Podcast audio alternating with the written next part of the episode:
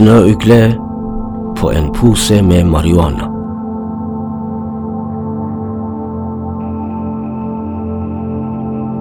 Jeg lever i glemsel, som konsentrert marihuana i sorgenes dyp. Jeg lever i glemsel når hendene mine brenner i dine. Jeg lever i glemsomhet, som en fighter som ikke orket mer, og de små eglene satte ham i en sommerfugl kokong om kvelden 8. mars.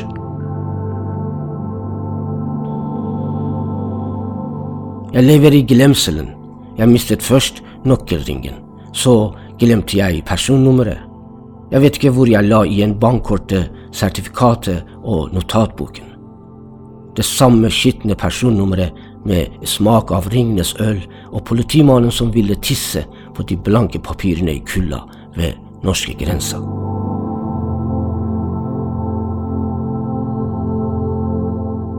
Den samme notatboken som hadde drukket og blitt bruset av sangen til Snøugla. Lommeboken min har i det hele tatt forsvunnet. Hadde jeg en mobiltelefon? Jeg hadde ikke det. Kanskje jeg hadde det, men hvorfor kan jeg ikke huske noen tall?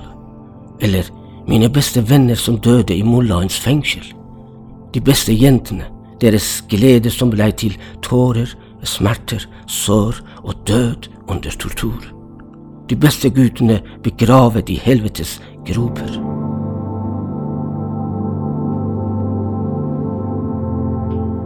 Jeg vet ikke hvor jeg har hørt dette før. Ellers husker jeg verken nøkkelen eller kampen for frihet. Og jeg vet ikke i det hele tatt hva det personnummeret er til. Ærlig talt. Jeg vet ikke hvordan jeg skal jobbe med disse enhetene i det hele tatt. Ikke det at jeg ikke vet, men det er som om jeg har glemt det. Jeg glemte mine beste venner. Jeg glemte torturerte jenter.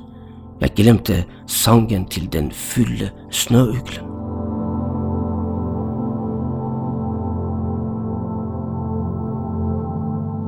Nå spiller disse tingene ingen rolle. Jeg mistet altså hjemmet mitt. Jeg vet ikke hvor jeg er i det hele tatt. Jeg kjenner ikke fremmede, de som står foran meg, de samme menneskene som leser eller hører på disse ordene. Dette, dette er den samme jenta som nettopp har skilt seg fra kjæresten. Denne, denne samme mannen som kom tilbake fra huset til sin elskerinne etter en lang kjærlighetslek.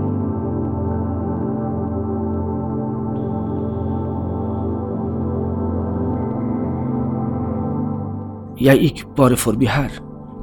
Kanskje, kanskje jeg ville be om adressen til et land hvor sjelene til utallige vandrer vandrer? Eller, aha, aha, jeg lette etter en kafé der jomfru Maria hadde resitert sine siste bønner. Så de ba meg komme oss komme hit, sitte på denne stolen og fortelle om vinen som brukes til å drive hjertets atomreaktorer.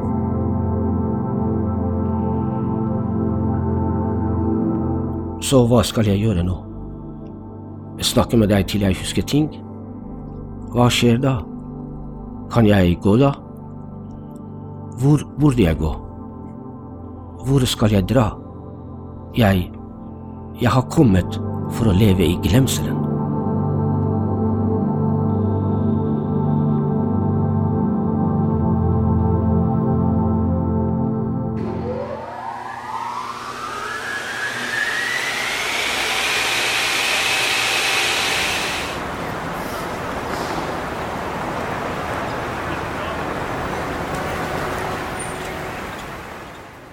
Vi sitter inn i Bananas, eh, en liten lokale innklemt mellom herrefrisøren Freddy Larsen og Sonja Kiosk på Grønland.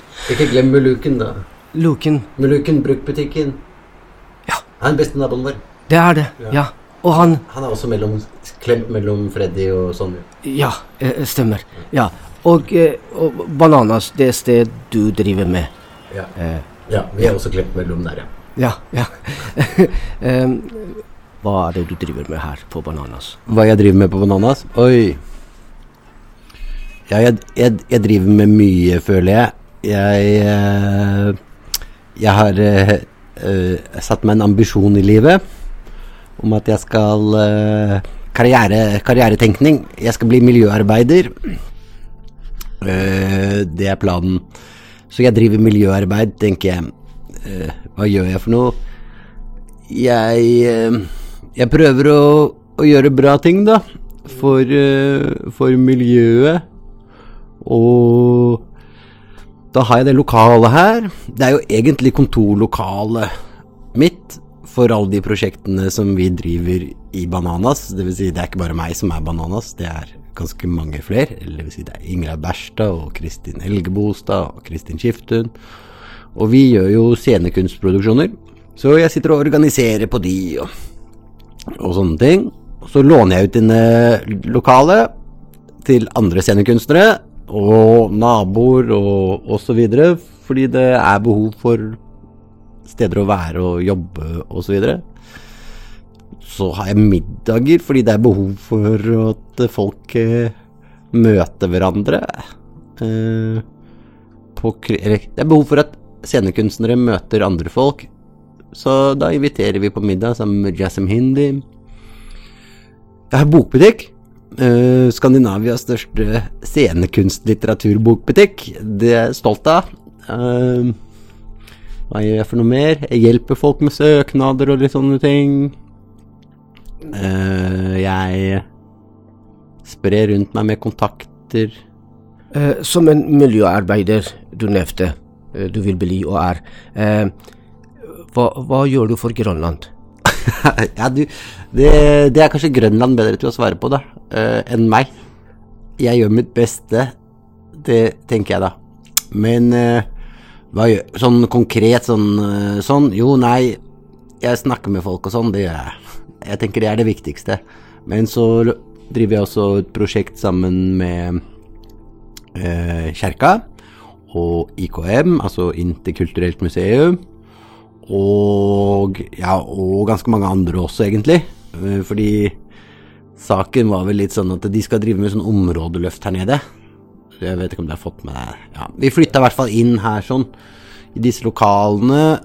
Og umiddelbart så kom det jo veldig mange på besøk, da. Og mange av de lurte på veldig mye om Grønland. Uh, og plutselig forstår jeg at jeg kan jo mye mer om Grønland enn veldig mange.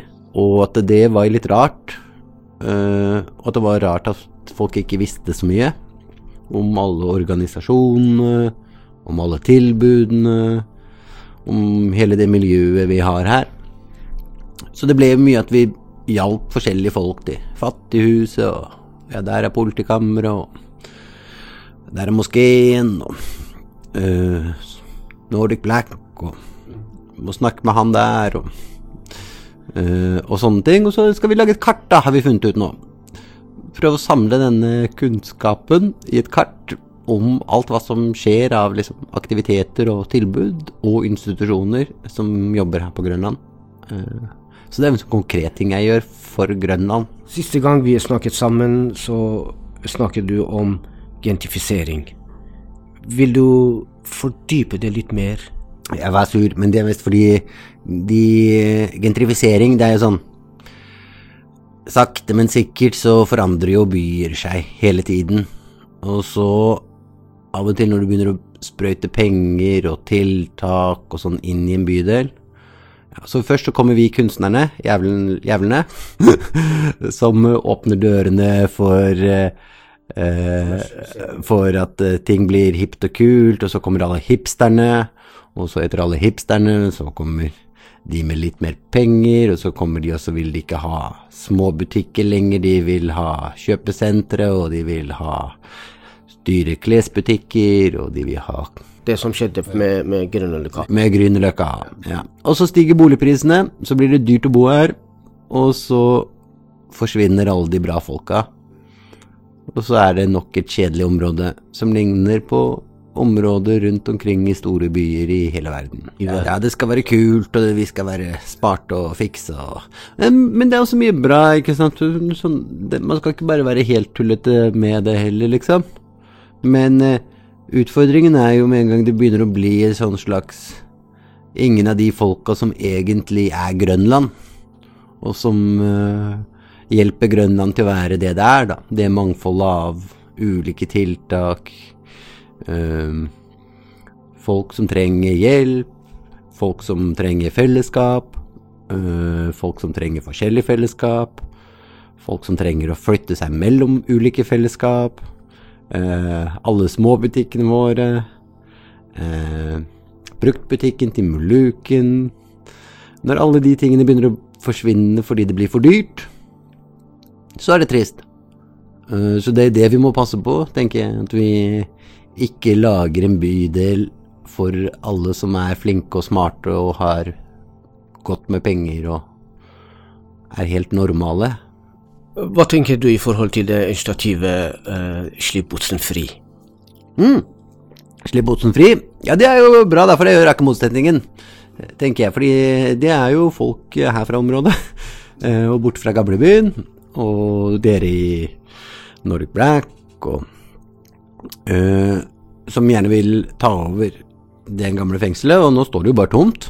Uh, og bedre å fylle det med kultur, uh, og kulturtilbud, så at det kan brukes til glede for befolkningen her, tenker jeg er kjempebra. Så vi backer jo det initiativet der. Men nå skal vi gå litt bak den bananas, altså deg selv. Hvem er du? Hva heter du? Hva, hva- jeg heter Tormod eh, Karlsen. Uh, ditt bakgrunn min bakgrunn Ja. Og form av jobb, utdanning? Jobb og utdanning og formalia. Ok, CV-en. Det er, det, er, jeg, det er veldig krung, det er kronglete. Jeg er en kronglete person. Uh, krong, kr, my, mye en fri sjel, for å si det sånn. Postmodernistisk kid. Kall meg mye rart. Eh, jeg har to mastergrader. Én i teaterregi fra Kunsthøgskolen her i Oslo. Og så har jeg en mastergrad som er en slags joint mastergrad til slutt, eh, noen, som var sammen med Universitetet i Teheran, eh, New York University og Universitetet her i Oslo. Eh, Et samarbeids... ja, det ble en slags sånn Jeg måtte sette sammen litt eh, forskjellig, fordi jeg eh, interesserte meg på den tida, så interesserte jeg meg for Det her høres innmari spasa ut, men uh, du er jo iraner, så du skjønner dette her. Uh, med homainismen, Uh, homainismen som ideologi, eh, så oppsto det jo også en ganske sånn interessant nytolkning for de kunstnerne som jobbet i en iransk kontekst, av mye samtidskunst, da. Eh, I ymse slag, og også performativitet, hvor mye av den gamle poesitradisjonen ble plukket opp igjen. Altså den gamle persiske poesitradisjonen. Eh, mange dyktige poeter. Eh, mange dyktige filmfolk. Eh, og som hadde på et eller annet vis en slags estetikk og eh, og eh, uttrykk som interesserte meg. Eh, da var jo liksom Da hadde jeg bodd i Amerika og vært liksom gjennom all den ironien og grensesprengingen og, og dette, så det var vel et eller annet med den fascinasjonen der da, som interesserte meg der.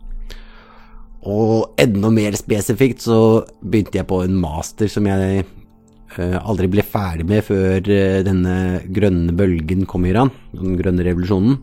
Så da ble jo alle utenlandsstudenter kastet ut. Men eh, den handlet jo om Innenfor islam så har man ofte Man snakker om et billedforbud. Ikonoklasme. Eh, du skal ikke avbilde eh, profeten, ikke sant. Eh, I persisk kultur, dette vet jo dere òg, det er teit å sitte og belære dere om dette, men, jeg, men uh, dere, dere, vet jo også Tazie. Uh, i, altså, i, I performative tradisjoner så har man allikevel fremstilt alle disse hellige personene. Uh, men man har ofte gjort det symbolsk, med hjelp av farger, ved hjelp av symboler. så man har likevel hatt et, et forhold til eh, religiøsitet gjennom eh, personifisering av energier av eh, osv. Så, eh, så hvordan en sånn ikonoklasmetenkning ble tenkt inn i samtidskunsten i Iran, hvor også sensurpolitikken og dette her kommer inn. For uh, innenfor humanismen så gjelder jo billedforbudet kanskje sterkere enn det gjorde i tradisjonell islamsk forståelse? det, det, er forskjellige, er tolkninger ja. i, i, forskjellige tidsepoker. Ja, i, I, forskjellige tidsepoker, og innenfor humanismen så var jo Khomeini var jo opptatt av billedforbudet sånn konkret. Så de kunstnerne som kommer frem i Iran etter det, har jo tar jo tilbake igjen mye av disse eh, grepene. Men deres interesse er kanskje ikke å uttrykke så mye religiøse følelser, men de bruker allikevel kanskje mye av de samme måtene å tilnærme seg det på, da. Når du ikke kan snakke om noe, så finner du andre måter. eh, og du begynner å bruke disse, disse verktøyene. Og ut av det oppstår en slags poesi. Eh, så det var jo det jeg prøvde å Egentlig hadde lyst til å uh, skrive noe om og tenke noe om, og som jeg til slutt, slutt klarte da å få til å skrive og tenke noe om uh, i en masteroppgave. I altså det som heter moderne estetisk teori, altså tenkning om kunst. Det var, det var, i den forbindelse, i, mens du var i New York, så traff du Kiarostami. Ja, Abbas Kiarostami. Og det var det som førte til at du dro til Iran ja. og, og studerte teatret ja. Eh, regi der. Ja. Ja. Hvor, hvor, lenge var du der? Til syvende og sist. Altså, jeg måtte jo lære meg persisk først. Det var en ganske stor prosess å komme liksom Undervisningen var på persisk? Ja. Ja, ok. Så, så du, du, måtte jo lære deg persisk? Ja, jeg måtte det. Ja. Men det gjorde jeg jo i Norge og i Danmark før den tid, så det var, var jo tre-fire år jeg holdt på med det før. Og på den tiden var det jo ikke bare å reise til Iran heller, sånn. Det er det vel kanskje ikke fortsatt. Uh, så det var jo også mye, mye te som skulle drikkes. Mange mennesker som man skulle bli venner med og overbevise om osv. Så, videre. så det var jo noen turer ned før det òg. Uh, eh, for å liksom komme inn i det, da. Mm. Uh, men det var vel det som liksom dro meg til Iran, ja. Det begynner å bli noen år siden nå, da. Uh, yes, Tormod. hva, hvorfor og hvordan? Bananas. Ok. Eh, hva? Eh, bananas. Egentlig veldig mye ting. Eh, og det henger litt sammen med hvorfor, kanskje. Eh, der var saken sånn at vi var tre kunstnere og en produsent. Eh, og det var egentlig Ingeleiv og Kristin som gjerne ville søke noe som et sånn ordning i Kulturrådet som før het basisfinansiering så ble den kalt kunstnerskapsfinansiering.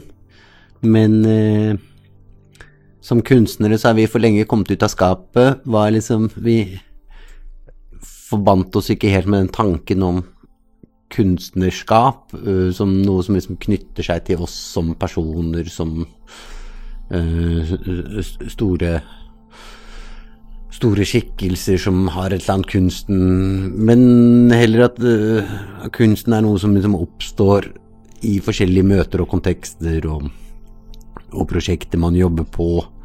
Blant folk. Blant folk i ulike mm, møter, måter man går ting i møte på, da. Og det å liksom utsette seg selv for ulike møter. Uh, og og ulike typer samarbeid. Så vi laget egentlig en søknad sammen som handlet om at uh, vi har ganske mange prosjekter og ganske mange ideer. Uh, de aller fleste av det, eller mesteparten av det foregår jo ikke her på, på Grønland eller i det hele tatt, men uh, jeg hadde da en idé om å bli miljøarbeider. og da var det vi Ja, da var liksom ideen ok, hvis jeg har et lokale her, og det er kontoret mitt, eh, hvordan kan jeg bidra til å lage et miljø av mer solidaritet eh, blant folk, med folk, eh, både her i nabolaget og ikke minst i scenekunstmiljøene. Eh, hjelpe til med at eh, folk får et sted å være, et sted å vise, et sted å prøve Oslo hadde liksom ikke noe sted hvor man bare kunne stunte noen greier. Eh, alt var liksom så kuratert og flinkt og snilt og gjennomtenkt og Så et sted hvor eh, alle de dårlige ideene kan få lov å komme sammen med alle de gode ideene, og man kan eh, sørge for at man holder et slags liv i kunsten, da. Eh, så vi prøver jo å låne ut lokalet vårt til all mulig av den type aktivitet. Eh, og også sørge for at eh, den type aktivitet møter hverandre, at det krasjer. Eh, vi åpner også derfor opp for ja, naboer som vil gjøre noe. Folk som har et sterkt politisk engasjement for noe. Den type ting. Eller noen som bare vil stille ut bildene de har sittet hjemme og malt på pikkerommet sitt. Så vi kuraterer ikke, vi kjører sånn førstemann til mølla. La folk få lov å vise, la, la oss stole på kunsten, så klarer kunsten seg selv. eh, og har lav terskel for at ting kan feile eller bli noe annet, eller man bare har lyst til å prøve, eller sånne ting. Så det er jo en ting vi gjør, eller sånn jeg gjør, for å holde, prøve å bli en miljøarbeider. Så har jeg også sånn Prøver å holde fire ganger i året. Er under korona, har det vært vanskelig, da. Men prøver å holde kaffemikk. Slags sånn uh, grønlandsk uh, festprinsipp. Vi byr på mat og drikk og ulike aktiviteter. Uh, og folk kan komme og gå som de vil. Men hvis det blir fullt, så må de som kom først, de må gå først. Og da har vi ja, litt forskjellige band som spiller, og, og det er også liksom bare få folk til å møtes i en setting hvor kunsten ikke er farlig, og den ikke er påtvunget. uh, uh, og du kan ta med deg så mye eller så lite av den du vil, og den er på et eller annet Prøve å gjøre tingene mer tilgjengelig også for lokalbefolkning og kunstnere. Blande de sammen. Uh, vi har jo mye bra folk i gata her, eh, så det er jo også å gjøre noe for de. Du må ha et uh, stort nettverk. Jeg har det etter at jeg levde et Hva heter det Jeg har levd et liv, liv med, med, med ja, så jeg, jeg, har vel et stort nettverk, ja, tror jeg. Jeg vet ikke. Jeg veit om mange folk. kjenner til mye rart, ja. Så har vi middager her. Vi gjør vi jo sammen med Jasm Hindu. Nå inviterer vi også ulike folk på middag, bare fordi vi syns det er gøy å prate med dem. Og fordi vi tror det er bra at fremmede folk prater med hverandre. Og alle må spise, og da gjør vi det sånn. Se bokbutikken. Det gjør jeg også her. Uh, ja. Skandinavias største bokbutikk for scenekunstlitteratur. Så vi har jo veldig mye scene, jeg er veldig stolt av den. Da. Jeg har jo solgt bøker for 50 000 kroner. Det er kjempebra. Fordi du vet Nordli og Tanum, alle disse her store bokbutikkene våre, de bare sånn Nei, scenekunst er for smalt, ingen orker å kjøpe, ingen vil Men du, du fikk solgt Jeg? Ja, ja, ja. Jeg selger bra på det der. Og så er det gøy òg, vet du, fordi man man sier sånn 'Å jaså, så du kjøper den boken?' Ja, ja, ja. da lærer jeg litt om folk og da, vet du. ja, ja. Så vet jeg hva jeg skal snakke med med de neste gang jeg møter dem, så vet jeg hva jeg kan snakke med dem om. En miljøarbeider. Jeg tenker Ja, ja, ja, miljøarbeider. ja, ja, ja. Eller sånn uh, spio... Skills jeg plukket opp i Iran, det der. Sånn Ja, ja, ja. Legge merke til hva folk kjøper, så Ja, ja, ja. Du har kanskje en iraner inni deg selv? Om jeg har en iraner i meg? Jeg vet ikke. Liten en, kanskje. Liten en, en liten en. I hvert fall rester av en. hva skulle du hett hvis du hadde vært en iraner? Oi, hva skulle jeg hett hvis jeg het uh, Jupin? Navnet? Det er fint. Hvordan ser du, deg, uh, hvordan ser du for deg framtida i forhold til Bananas? Hvor langt hvor lenge vi kan holde på. Hvor langt drømmer du? Hvor langt jeg drømmer? Det som er, det var jo noe av liksom det jeg hadde lyst til, var jo også å ha et sted man kan komme på jobb uten å tenke på fremtida.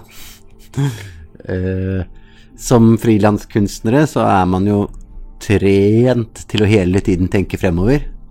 Hva kommer neste, hva kommer neste, hva kommer neste? Etter det skal jeg det, etter det skal jeg det, etter det må jeg det. Og det er noe fint med å også bare tenke ok, nå er det her, det er nå, det er dette. Eh, fremtiden kommer av seg selv. Eh, og hvis vi passer på nå, så passer fremtiden på seg selv. Eh, så litt sånn tenker jeg jo da. Derfor har jeg ikke Det er ikke sånn Vi skal ikke vokse og bli Kembo-store. Vi skal heller ikke krympe og forsvinne. Vi skal være gode naboer. Vi skal komme på jobb.